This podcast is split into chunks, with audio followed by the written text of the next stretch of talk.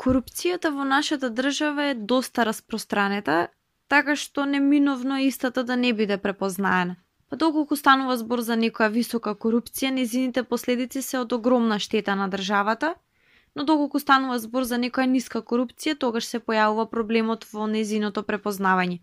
Ниската корупција според нашето обштествено сваќање и не се смета за корупција, за жал.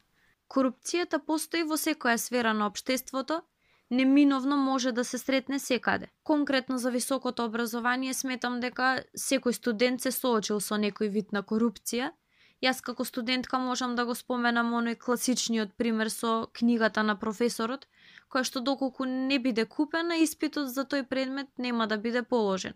Во образованието исто така си имам соочено и со примери на фаворизирање на одредени студенти, добивање на високи незаслужни оцени на испит. Многу лица се плашат да пријават некој вид на корупција, но борбата против корупцијата мора да започне од самите нас. На секој поединец му стојат на располагање разни начини на кои што може да ја спречи корупцијата, дали тоа ќе биде пријавено во јавното обвинителство, бидејќи сепак знаеме дека корупцијата представува кривично дело, дали јавно ќе се раскаже одредена приказна во некој медиум, Тука ја имаме и Државната комисија за спречување на корупција, како и разни други начини.